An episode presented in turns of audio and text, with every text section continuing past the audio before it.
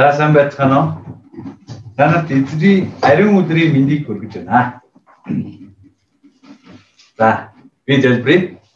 Хайр ивэл нэгүслэр дүрэн эзэн бурхааваа биднийг удирдах байгаад нь талархаж байна. Энэ өдрийг та ариун сүнсээр удирдах. Таны өдрийг хүндэтгэн мах боломжийг хүн нэг бүр зөвшөөрөн байгаа баярлалаа. Бид бүхнийг ариун сүнсээр удирдан хууч их эзэн Есүсийн нэрээр даатангуйж байна. Амен. Дэлхийн түүхийг харах итгэгчийн үзэл бодол. Бодож тэл Марк 13-ын 10 дугаар зүйл. Эхлээд сайн мэдээ бүх үндэстэнд тунхаглагдсан байх ёстой. Өнөөдрийн зарилгаар Бурхны бидэнд дамжуулан өгч байгаа өмнөнийг сайдар сурч чадахыг хүсэн гуйж байна. Өнөө үед мэдээлэл холбоо харилцаа нь энгийн зүйл болсон. Хүмүүс хүсвэл ямар ч мэдээллийг олж мэдэх боломжтой цаг үе гэсэн үг юм. Бид анханасаа ийм байгаагүй ч техник технологи хөгжихийн хэрээр хүмүүс бид улам хүчрхэг мэдээлэлтэй болж ирсэн. Хэдий ийм байсан ч өмнө нь хүн ямар байсан яг тэр хിവэрэ байгаа гэдгийг санах хэрэгтэй. Хүмүүс бусдаас жаахан л илүү мэдвэл би мундаг бүгдийг мэддэг гэж мэдэмхээрх нь хэлдэг гаднан өөрийгөө даруй дүлэг байлгах гэж хичээдэгч дотор хүн бардам ихэрхэг айгу болсон байна. Өнөө цагт эрт дээр үед үйлдэгдэж байсан амар хэрэгүүдээс ч илүү аимшигтай хэрэгүүд олон үйлдэгдэн улам хэрсгий болжээ. Энэ нь сармон мэдээлэлээс болсон гэж юм. Насанд хүрсэн хүний хувьд юу үзэх, яах нь одоо цагт хязгаарлагддаггүй. Тиймээс хүн дуртай зүйлсээ харж үзхийг хүсдэг. Харин сатан богж үтгэл бидний үгдэх мэддэг гэсэн хүслийг өөрийн муугаар дүүрнэ хүмүүсийг улам аимшигтай болгон өөрчилж байна. Гэхдээ мэдээлэлтэй байхыг муу гэж хэлхийг хүссэн. Харин өнөө цагийн бодит үнэн харах итгэгчийн итгэгч хүний байр суурийг байр суурь ямар байхыг ёстой Библиэр дамжуулан хэлхийг хүссэн юм аа. Өнөөдөр энэ цаг үеийн хүмүүст түүхэн ухамсар өгөө болж байна. Түүхэн үжил баримтлал орхигдох үед хуваа хичээг хуваа хичээг нь ихсэж хүмүүс ёр бүсийн хачин үзэлд автаж уруу замнаар замрах нь амархан. Хуучин гэрээг харуул Израильчууд Бурхныг өдөрдөн дагуулсан түүхийг орхин дураараа эргчлөөтэй байх гэсэн хүсдээс болж өөрсдийн таалалд нийцүүлэн харийн бурхтад үйлчлэн шин түүхийг Гэтэл тэдний ийм байдал нь Бурхны уур хилэнг хөдөлгсөн бөгөөд бид аимшигтайгаар шийтгэхийг аван сүрсэн. Мөн Израильчууд өөрийн Бурхан эзэн рүү иргэн түүний заасан замаар алхах үед Бурхан ямар ч хэцүү байдал дотор хамгийн хайр ивэлтэйгээр өдөртөн өгсөн Библиэлд бичигдэн үлдсэн байна.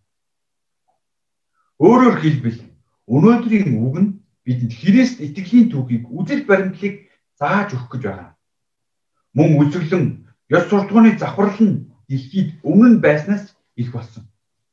Энэ дэлхийн хүн төрлөختөн хаашаа явж байна? Есүс энэ асуултанд хамгийн зөв тодорхой хариултыг өгч байна.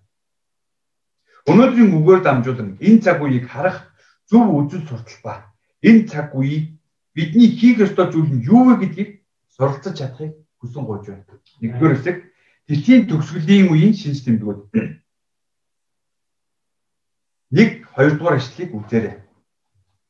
Есүс Иерусалим сүмээс гарах үед шавнырийн нэг Иерусалимийн сүрдэн бахархан байдлыг хараад биширсэн. Шавнар биднийг шавнарыг бид ойлгож болно. Яагаад гэх юм бол Иерусалим сүмийг барихад нийтдээ 46 жил шаардагдсан бөгөөд харахад үнэхээр сүрдэм сайхан том байгууламж юм. Сүм хотын хамгийн өндөр чигт байрладаг бөгөөд нийт хотын 6-ны 1-ийн хэмжээтэй. Сүм нь гандаг чулуугаар баригдсан бөгөөд 9-өөс 11 метрийн урт, 4-өөс 5 метрийн өргөн, өндөр нь 3 метрийн чулуугаар үрж баригдсан юм. Бөмбөр оройн алтаар бүрхэгдсэн байдаг. Нар сүмийн дээр тусах нүд ялбан байдал нь жуулчдын зүрх сэтгэлийг улаалсан байдаг нь лавтай. Галил нутгийн хөдөөний шавнарын хувьд энэхүү сүм нь үнэхээр гайхан биширч шагширмар зүйл байсан юм. Гэвч Есүс юу гэж хариулсан бэ? Энд нэг чулуу нөгөө дээр үлдэхгүй бүгд нор болно хэмээн. Шавнар сүмийн гадаад гой сайхан байдлыг харан уруу татагдсан. Харин Есүс сүмийн дотоод байдлыг буюу Өлийн багш шашны удирдагч нарын завхарлыг нь харжээ. Ромын жанжин Тит манай эртний 70 онд Иерусалим руу дайрч газартаа нэгслэг. Бүрэн устгах үед Есүсийн зөвгөл нь бүрэн утгаараа биелэлээ болсон. Нэг сая гаруй хүн халагдаж амьд үлдгэсэд нь боол болж боолчлогдсон. Энэ нь еврейчүүдийн 2000 жилийн турш оршин тогтнож байсан гайхалтай улсынх нь төгсгөл болсон юм. Энэ бол Бурхны хүү Есүсийг үгүйсгэн хүмүүсийн эсрэг авсан Бурхны уур хилэнгийн бодит илэрхийлэл байсан. Бидний хамгийн амжилттай гэм нь Бурхны хүү Есүсийг захлмал цоглогдсон юм. Өнөөдөр өнөөдрийн дэлхий бол техник технологи өсрөнгөө хөгжих. Хөгжлийн замд нэгэнд орсон хурдны галт хэрэгтэй адилхан юм. Иймээс бидний уулга алдан гайхан бишрэхэд хүргэдэг олон зүйлс дэлхийн үнэт болон бүрт байгаа. Мөн том бүтээн байгуулалтууд урд нь хизээч боломжгүй гэж бодож байсан бүхэн хэдийн энгийн угаасаа ийм байсан юм шиг болсон зүйлсүүд нь бидний эргэн тойронд бий болсоор л байна. Гэвч Есүс дэлхий дээр бүх зүйл устж алга болно гэж хэлсэн. Тиймээс бид одоо энэ дэлхийн тансаг сайхан зүйлс сэтгэл татагдан автагдж хуурам шүтэн болгож байна. Харин шүүлт нь Бурхны хүлээн аваагүй хүн бүр дээр зайшгүй ирнэ гэдгийг мэдэн илүү их анхаарлаа хандуулах хэрэгтэй болсон цаг үе юм аа. 3 4 дугаар эшлэлийг хараарай. Есүс шав нарын хамт сүм харагдах чидэн уулан дээр сууж байхдаа Петр, Яаков, Йохан, Андрей нар сүм устж үгүй болно гэсэн Есүсийн үгэнд гайхан амжилтлан асууж энэ нь хизээ болох бай. Тэр бүхэн биелэгдгүүд ямар тэмдэг бий болох вэ? Бидэнд хэлээд ирсэн. Мөн Матай 24-ийн 3-ыг үзвэл шанар нь таны заларч ирэхэд болон үеийн төгсгөл ямар шинж тэмдэг байгаа хэмээн асууж. Шавнарын хувьд Ерөслийн сүм сүүрэн гэдэг нь ой тойнд нь байхгүй тийм л зүйл. Яагаад гэвэл Ерөслийн сүм бол Бурхны хөрхөө. Мөн хизээс норч устж үгүй болохгүй хэмээн бодож байсан учир нь байгаа. Хэрв устгах устгахаар бол тэр нь дэлхийн төгсгөл байна гэж бодсонтой холбоотой. Шавнар Есүсээс асуусан асуултын гол санаа нь төгсгөлийн цаг үеийн шинж тэмдгүүд юм. Сүүлчийн өдрүүд нь Есүсийн хоёрт гэрэлт хүртэлх түүхийг бидэнд илэрхийлж өгдөг. Ерөнхийдөө сүмийн сүрлийн талаар өгүүлсэн хэсгүүд нь ертөнцийн төгсгөл тохиолдох зүйлсийн талаар бидэнд сэрэмжлүүлэг болж байна. Есүс сүүлчийн цаг үеийн шинж тэмдгүүдийг хэлж түүхийн гол утга санааг заан өгөх гэж байна. Тэгвэл сүүлчийн өдрүүдийн шинж тэмдэг нь юу вэ? Нэгдүгээрт хуурамч Христ гарч ирэх тухай. 5-аас 6 дугаар эшлэл. Есүс тэдэнд хэн нэгэн та нарыг төөрүүлэх вэ? Болгоомжил тэр чинь би байгаа юм хэмээн нэрээр минь олноороо ирж олныг төөрөлдүүлнэ гэж. Шавнар эдгээр зүйл хизээ болохыг мэдхийг хүсэж байсан. Харин Есүс тэдэнд илүү чухалчлан болгоомжлогдсон сонор сэрэмжтэй байх нь л гэж хэлсэн. Хуурамч Христүүд гарч ирэх нь төгсгөлийн үеийн хамгийн ихний шинж тэмдэг болох бөгөөд энэ маш аюултай үзэгдэл юм. Төөрөлдүүлэгчд хачигцтаас илүү аюулыг чуулганд төвшүүлдэг. Христэд итгэгчдийн эсрэг сатаны гол зөвлөг бол харчлах биш харин тэднийг төрөлжүүлэх мэхлэх явдал юм аа. Худал месиа бол хуурамч найдварыг зааж итгэгчдийг дөөрөлдүүлж хүмүүсийн сүнсийг сүрүүлэн тусдаадаг. Олон хүмүүс би бол тэр би бол Христ гэж хэлэх болно.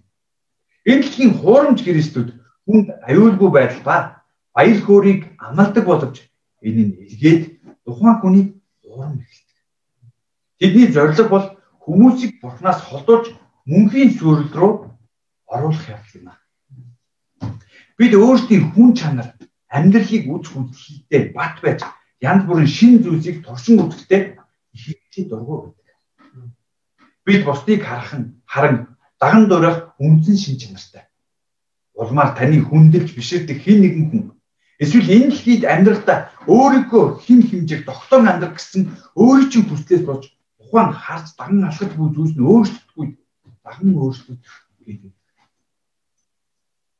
Мөн бидний бодол санаанд эргэлзээ сууснаар олонхыг дагах гэсэн хандлага гол шугам болгож амьдрах гэдэгтэй холбоотой.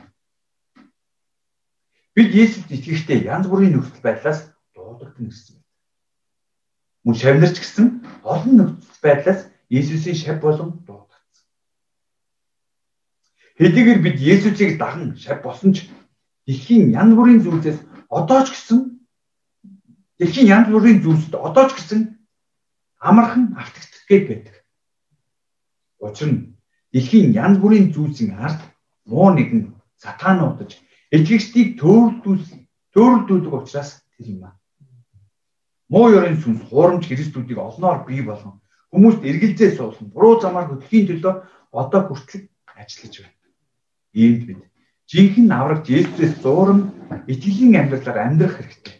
Энэ бол Есүсийн хамгийн түрүүнд бидэнд шавь нартаа анхааруулна загсан зүйл юм. Хоёрдугаар гамшиг гай зовлонгийн тухай. 7-8 дугаар эшлэл. Та нар дайны тухай ба дайны чимийг сонсвол үүс учирт. Эдгээр нь болох учиртай боловч төгсгөл нь хараахан биш юм. Үндэстэн үндэстнийх эсрэг хаанчл хаанчлалынхаа эсрэг босох бөгөөд энэ тэндгүй газар хөдлөлт хийгээд өсөглөн болно. Энэ төрөг хөвгөлтийн зөвхөн гэсэн. Есүс үндэстнүүдийн хооронд дайн дайчин болно гэж хэлсэн. Үнэхээр манай эртний өмнө 62-оос 66 онд Иерусалимыг сүүхээс хэдхэн жилийн өмнө Ромын эзэнт гүрэн даяар дайн тулаан болж эзэн хааны эсрэг бослог гүмэн гүмэн самун гарсан байдгийг бичигдэж байна. Бидний гэргэн дөрн дэлхийн үнцэг булан бүрт аллаг алан хядлаг дайн тулаан одоо хөрн өрнөсөөр олон мянган хүн ан амтан байгаль дэлхий сүудэж дахин хизээч анхны байдлаа эргэж орохооргүйгээр уг таны золиос олсоор байгаа. Мөн байгалийн гамшиг, газар хөдлөлт, хар салхи, цунами, цаг тахал, корона гэх мэт дэлхийн нийтийн хүн нэг бүрийг айс давтуулсан зүйл бидний чихийг дэлдийлхэн харагцаар л байна. Иймэрхүү муу мэдээг хүн сонсох үед сэтгэл нь үнэхээр тавгүй болж айн, сандарн, уур хилэн, хөхөмдөл төрн өөрөөр хэлбэл сүрг сэтгэл хөдлөлт амархан хамгийн наадах нь гэхэд бид өөрийн орны дотоодын хэрэг зөрчил сошиал медиагаар засагдж буй мэдээ мэдээллээс хөвчлэн сүрг агуулгатай мэдээллийг илтгэж харж мэдэж авдаг. Мөн уус төрчийн ёс суртахуунгүй байдлыг харан сонсох үед үнэхээр хэцүү болдог. Тэгвэл Есүс бидэнд эдгэр зүйлсийг харан хүлээн авахдаа хэрхэн харахыг хамгийн чухал вэ гэдгийг заан өгөх Муу ерийн сүнс сатан биднийг энэ мэт муу мэдээгээр дамжуулан сандаргаж айц давтуулахыг хүсдэг. Хэрвээ сатан биднийг айц давтуулж чадвал тэр биднийг барьж чадна.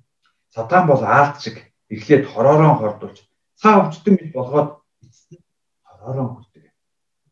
Тиймээс муу мэдээгээр дамжуулан бидний зүрх сэтгэлд орох гэж буй айцын сүнснээс бид маш их сэрэмжлэх хэрэгтэй ийм ийм гамшгууд гамшгууд дайн тулаан өвчин зовлон бардам хатуу сэтгэлдээ хүн төрлөختөн гимшиж бурхан руу эргэж эрүүлэхийн төлөө анхааруулах юм. Тиймээс бид Тиймээс бид ариун сүнсний тусламжийг уух хэрэгтэй. Ариун сүнс биднийг амар тайвнаар Бурхны хувиршгүй хараар өлгийдэн айдсын сүнсийг хөөн зайлуулж мөн биднийг Бурхны хүүхэд гэдгийг үргэлж сануулan хайр ивэл дүүрэн өдөртөн өгдөг. Энэхүү гай гамшиг нь гмийн төлөөх шийтгэл боловч нөгөө талаар эдгэгт бидний хувьд Бурхны хаанчлалын найдварыг өгч бидний зүрх сэтгэлийг цэвэрлэж буй тасгалжуулалт гэж сурах хэрэгтэй. Бид айц давтахгүй байх ёстой. Учир нь энэ бүхэн төгсгөл биш юм. Гай гамшиг бол төрөг үгтийн зөвхөн эхлэл гэж байна. Эмээс бид улам хижээл сэтгэлтэй байж Энэ цаг үеүүдэд итгэгчийн байр суурьаар зөвөр эрэлхийлэн олныг даган дуурайх бус харин эзэнт түшгэлэн амьдрах хэрэгтэй. Гуравт хартлаг их болно. Зарилгын сэтгэл зүйлийг хараарай. Харин сэрэмжтэй байх тун. Учир нь хүмүүс та нарыг шүүгд тушааж синагогуудад тангарыг ташуурдана. Та нар миний төлөө гэрсгэл болж захирагчд ба хаадын өмнө зогсох болно гэжээ. Бид Иесус итгэснээс юм болоод хавчигдан гадуурхдах болно гэдгийг бидэнд тодорхой хэлж байна. Хавчлага нь гэр бүл гэр бүл болоод нийгмээс илэх болно. Энэ нь бурханлаг хүмүүсийг бурханлаг бос болгох, бурханлаг бос хүмүүсийг бурханлаг болгох болгохын тулд юм. Ойлгоход хэвүүж энэ бидэнд заавал тохиолдох зүйл. Сатан Христийн чуулган болоод итгэгчдийн нэр хүндийг үгүй хийх боломжийг ашигладаг. Бид өвгөц зэрэмтэй байж жинхэнэ дайсан хэн болохыг олж мэдэх хэрэгтэй. Даргийн 9-ийн Б бүлэг та нар миний төлөө гэрчлэл болж захирагчд ба хаатын өмнө зогсох болно. Эдгээр бидэнд хизүү зүйл тохиолдох боловч Бурхан хавчлаг ба сорилтыг үргэлж ашиглаж байдаг гэдгийг санахад илүү. Есүс бол бидэнд хавчлах Гэвч энэ тухай гэвч энэ нь тухайн хүнтэй хувийн асуудалтай учраас биш. Харин Есүс ба Сатан хоёрын хоорондох тулаанд оролцож байгаа учраас юм. Итгэгчид Есүсээс болж хачигддаг. Есүс хаад болон ноёд сайн мэдээг сонсохын тулд энэхүү мөргөлдөөнийг ашигладаг. Есүс тэднийг эрсдэл болохыг хүсдэг. Есүс өөрөө үүнийг бидэнд үлгэрлэн харуулсан. Есүс Сангидрэний зөвлөлийн өмнө зогсохдоо тэрээр өөрийгөө Бурхны хаанчлыг байгуулах төгс хүч чадалтай агуу сүр жавхлантай Бурхны хүү гэдгийг гэрчилдэг. Есүс залмаа Есүс захирагч Пилатын өмнө зогсох үедээ Бурхны хаанчлын тухай гэрчилсэн. Есүс залмаа дээр нас барж байх үедээ ч сайн мэдээг тунхаглаж хамт цуглагдж буй нэг хэрэгтэн Иважин руу дагуулсан юм. Дараа нь Паулч мөн Есүсийн замаар замдсан байдаг. Тэрээр Есүс итгэснийгээ төлөө шоронд хоригдож захирагч Филек, Фест, хан Агриптэй уулзсан. Магадгүй Цэзрийн өмнө хүртэл очсон байх. Паул эдгээр боломжуудыг ашиглан Есүсийн тухай гэрчилсэн үүс ном бичигдсэн байдаг. Паул шоронд хоригдож байхдаа өөрийг нь хамгаалж байсан Ромын зэргүүдэд сайн мэдээг тарааж байсан бөгөөд Эдгээрийн зарим нь Христ итгэгч болж байсан юм байна. Эндээс бид Бурхан хавчлагад орсон нэгэн сайн мэдээг тараах замыг нээдэг гэдгийг хэлж байгаа юм. Ухаан үе чамнарч хавчигдж байсан. Мөн одоо ч гэсэн одоогийн Христ итгэгч хүмүүсийн дунд ил болон дал хэлбэрээр хавчлаг нь байсаар л байна. Энд бид залбирал ба буйртай энэ бүгдийг таван доорч харин хэцүү байдалд орсон үед нь улам илүүгээр сайн мэдээг тараах гэрчлэл болон тунхаглах хэрэгтэй байна. Энэ цагт бид өөрсдөө хамгаалж сайн мэдээг тараахад бэлэн байх хэрэгтэй. Хоёрдугаар хэсэг Библийн түүх үзэл. 10 дугаар эшлэлийг хараарай. Эхлээд сайн мэдээ бүх үндэстэнд тунхаглагдсан байх ёстой. Бид эндээс Христийн түүхэн үзлийг тодорхой суралцах болно. Аливаа түүхэн, гол зорилго, үжил санаа түүхэн эзнийг тодорхойлон зан. Тэгвэл Библи бидэнд түүхийн гол зорилго үзэл санаа эзэн нь Бурхан гэдгийг заан өгдөг юм. Бурхан гадар тэнгэрийг бүтээгээд зогсоогүй.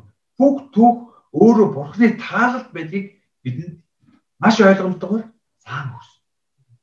Еремья, Эзекиэл, Даниэл номуудыг харуул Небухаднезер хааны тухай гаднаас нь харахад тэрээр Бабилоныг хүчрэг болгоод байгаа мэт бол харагдах болох юм. Харин Бурхан Израиль болон тэр үеийн гмийг шийдэхийн тулд шийтгэлийн хэрэгсэл болгон Небухаднезер хааныг хүчрхжүүлэн удирдсан байна. Харин Небухаднезер хаан бүхнийг өөрийн хүчээр хийсэн мэт бардан болох үед нь түүнийг болон тэр улсыг шийдгэсэн. Ингэхдээ Бурхан Ромын хаанаар дамжуулан авралын ажлыг бий үүнтэй адил жишээ дэлхийн түүхийг эргүүлэн харах үед бидэнд маш олон байхыг бид мэдэж болно. Эндээс бид бүх түүхийн удирдагч нь бурхан гэдгийг тодорхойгоор сурч байна. Тэгвэл түүх нь өөр хаашаа орсож байгаа юм? Мөн ямар утга санааг бидэнд илэрхийлэхийг бас агуулж байгаа юм болоо. 10 дугаар эшлэгийг дахин харцгаая. Эхлээд сайн мэдээ бүх үндэст нь тунхаглагдсан байх ёстой. Энд эхлээд гэдэг үг маш чухал. Энэ нь цаг хугацааны хувьд ихэнд гэсэн утга нь биш юм. Харин түүнээс илүү хамгийн үн цэнтэй, хамгийн чухал гэсэн утгыг илэрхийлж байна. Тухайлбал түүхийн удирдахч бурхан түүхийн удирдахч бурханы түүхийн олон үнцэнтэй зүйлсээс нь энэ сайн мэдээг тунхаглах нь хамгийн чухал бөгөөд сайн мэдээнд үндэслэн түүхийг удирдах байгаа гэсэн утгатай. Бурхан Адамыг гинт унсны дараа шууд сайн мэдээг зааж. Эдрэл ард түмнэр дамжуулан сайн мэдээг бэлдэж цаг нь болоход Иесус Христийг энэ газарт илгэн сайн мэдээг төгс болгосон харин одоо бурхан бүх хүндэтэнд сайн мэдээг тунхаглуулж байна. Яагаад гэвэл сайн мэдээ бол хүн төрлөختний гин баг өглийн эрхмлээс чөлөөлж аврах ганц зам учраас тэр юм. Хүн төрлөختний түүхэнд амнаас илүү сайн мэдээнээс илүү чухал зүйл нь юу байх юм бэ? Сайн мэдээ тунхаглалтын төлөө түүх устдахгүй үргэлжилж байгаа. Харин энэ сайн мэдээ бүх үндэстэнд тунхаглагдах үед сүүлчийн өдөр ирэх болно. Түүхийн утга учирыг мэдхийн тулд хүний үндсэн асуудал мөн чанарыг мэдэх хэрэгтэй. Ихэнх хүмүүс сүнсний хувьд сохор харанхуй байдлаасаа болж түүхийн хамгийн чухал зүйл нь учир нь юу вэ гэдгийг онолтойгоор тайлбарлаж чадахгүй байна. Тийм учраас муу сүнс хүмүүс рүү дайрах үед дайн өсвөлэн гарах үед тэд зөвхөрч буун өгч айц давтахаас өөр аргагүй ордог. Өөрөөр хэлбэл дэлхийн түүхэн үзэл санаа бидэнд тодорхой үүрэг юу болохыг зан өгч чадахгүй байна гэсэн үг юм. Шийдэгдэхгүй байгаа амьдралын асуудалтайгаа эрх чөлөөний төлөө, улс үндэстний төлөө тэмцэн гэдэг нь ямар утга учиртай юм бэ? Гэвч Библи бол бүх зүйлсийн эхлэл ба төгсгөл, амь, авралын түүхийг тодорхой бичсэн. Мөн эцсийн цаг үед болох аимшигт гай зовлон ойлгож даван туулах замыг ч зан өгч байна. Юуны төрөнд энэ цаг үед хийх ёстой үүргийг бидэнд зан өгч байна. Энэ нь Христийн түүхэн үзэл, Библийн үзэл юм аа авралын түүхэн нүдэнд харагдахгүй боловч хүн төрөлхтний түүхийг хөдөлгөх гол тулгуур хүч болж байна. Бурхан авралын түүхийн төлөө бүх зүйлийг хэрэглэдэг.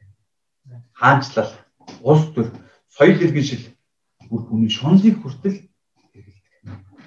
Эндээс хамгийн чухал нь бүх үндэстэнд сайн мэдээг тунхаглахтун гэсэн тушаалд дуулууртай байж Христийн араас дагаж буй шавнараар дамжуулан түүхийг бүдээдэг явдал юм аа. Дэлхийд одоогор өөрсдийн хэлээр орчуулагдсан Библи байх гол үндэстэн 22 мянга байна. Өсвөлөнд нэрвдэж буй Африк, самуурлаар дүүрэн, садралаг, Европ, Америк, Орос, Аз төвгээд дэлхийн зүнснүүд зөвхөн шаналж байна. Шүн дүнд Паул нэгэн Македон хүн үзэгдлэр гарч ирээд Македонд ирж бидэнд туслаач гэж бурсаач. Бурхан шаналж буй хүмүүсийг өрөвдөн хайлаж амийн сайн мэдээг тэдэнд эрчимтэй тунхаглахыг хүсэж байна. Дүгнэл. Бид энэ дэлхийд итгэлээр сайн мэдээг тунхаглан амьдрах үед үл тоогдож доромжлол хавцгийг амсан амьдрах болно. Гэвч бурхан биднийг харахтаа түүхийг бүтээлчж буй эзэд гэж харах болно. Өнөөдөр энэ цаг үед хүмүүс материалын үзэл хит автан энэ дэлхийн сайхан зүйл шунан хуваа бодсон амин жүзэлтэй болж байна энэ цаг үедээ хүл нийлүүлж хуурамч нөлөөнд нь автаж амьдрал сайн мэдээг тунхаглах ажлаас илүү өөрийн хичээл ном, ажил мэргэжил, машин, сайхан илбэг дэлбэг хай тухтай амьдралыг төрүүн тавьж амьдрах нь амарх юм. Тиймээс бид зөвхөн цуглаандаа явж итгэлээр амьдрахаас гадна юу ч хийсэн сайн мэдээний ажил бүх хүн зэнэ тавьж хичээлээ хийж, ажиллаа хийн, амьдрах ёстой гэж судалтай. Сайн мэдээ бол Есүс Христийн тухай. Бурхан ертөнцийг маш их хайрлаж цорын ганц хүүгээ өгсөн түүнд итгэдэг хэн болож мөхөхгүй харин мөн хамтай мөн хамтай болох сайн мэдээ юм аа. Бурхан Есүсээр дамжуулан хүмүүсийг нүгэл, үхэл, чөтгөрөөс аврах, өөрийн хаан тусад мөнх амьдралыг өгдөг. Бурхан Есүсээр дамжуулан Деважанга хүндрэлтэн сэргээж тэнд төгс инх тайвнаар хараар дүүрэн хаанчлана. Тийм учраас бид Библийн өдөр бүр уншин Бурханыг бидэнд зааж зааварсны дагуу итгэхээр алхна. Бурхан биднийг сайн замаар дагуулan удирдах болно гэдэгт нь итгэх хэрэгтэй. Бид түүхийг сайдар судалснаа урд байсан зүг болон бурууг ялгах харааг хүлээн авах юм. Библи бол Бурхны ард түмний талаарх түүх. Бид нэгэнд болоод өнгөрсөн түүхийг өөрчилж чадахгүй ч одоо итгэлийн түүхийг Бурхныг мэдгүй оюутан залуус мөн эцэг их хамаатан садан үр удамда сайн мэдэг дэлгэрүүлэх ажлын төлөө энэ цагт дуудагданаа санах хэрэгтэй. Бидний бурхан сул дорой гэж бодоагүй бидэнд энэхүү хайр авилтыг үүргийг өгсөнд нь талархаж байна. Тийхүү хичээнгүлэн үүлгэн амьдарч чадахыг та бүгдээс хүсэн болж байна. За би залбирая. Хайр авил нэгүслэр дүрэн эзэн бурхаава бидэнд гайхамшигтай үлдгийг өгч сайн мэдгийг дэлгэрүүлэгдэн өгсөн чинь талархаж байна. Энэ цаг мөчөж гисэн бид үнэхээр эзэн таны өмнөөс зурж энэ цаг үеийн байдлыг харалгүй зөвхөн эзэн түшгэлэхэд туслаарай. Бүх алдан танд байх болтугай. Бүгдийг танд даатгаад Иесусийн нэрээр болж байна. Амен.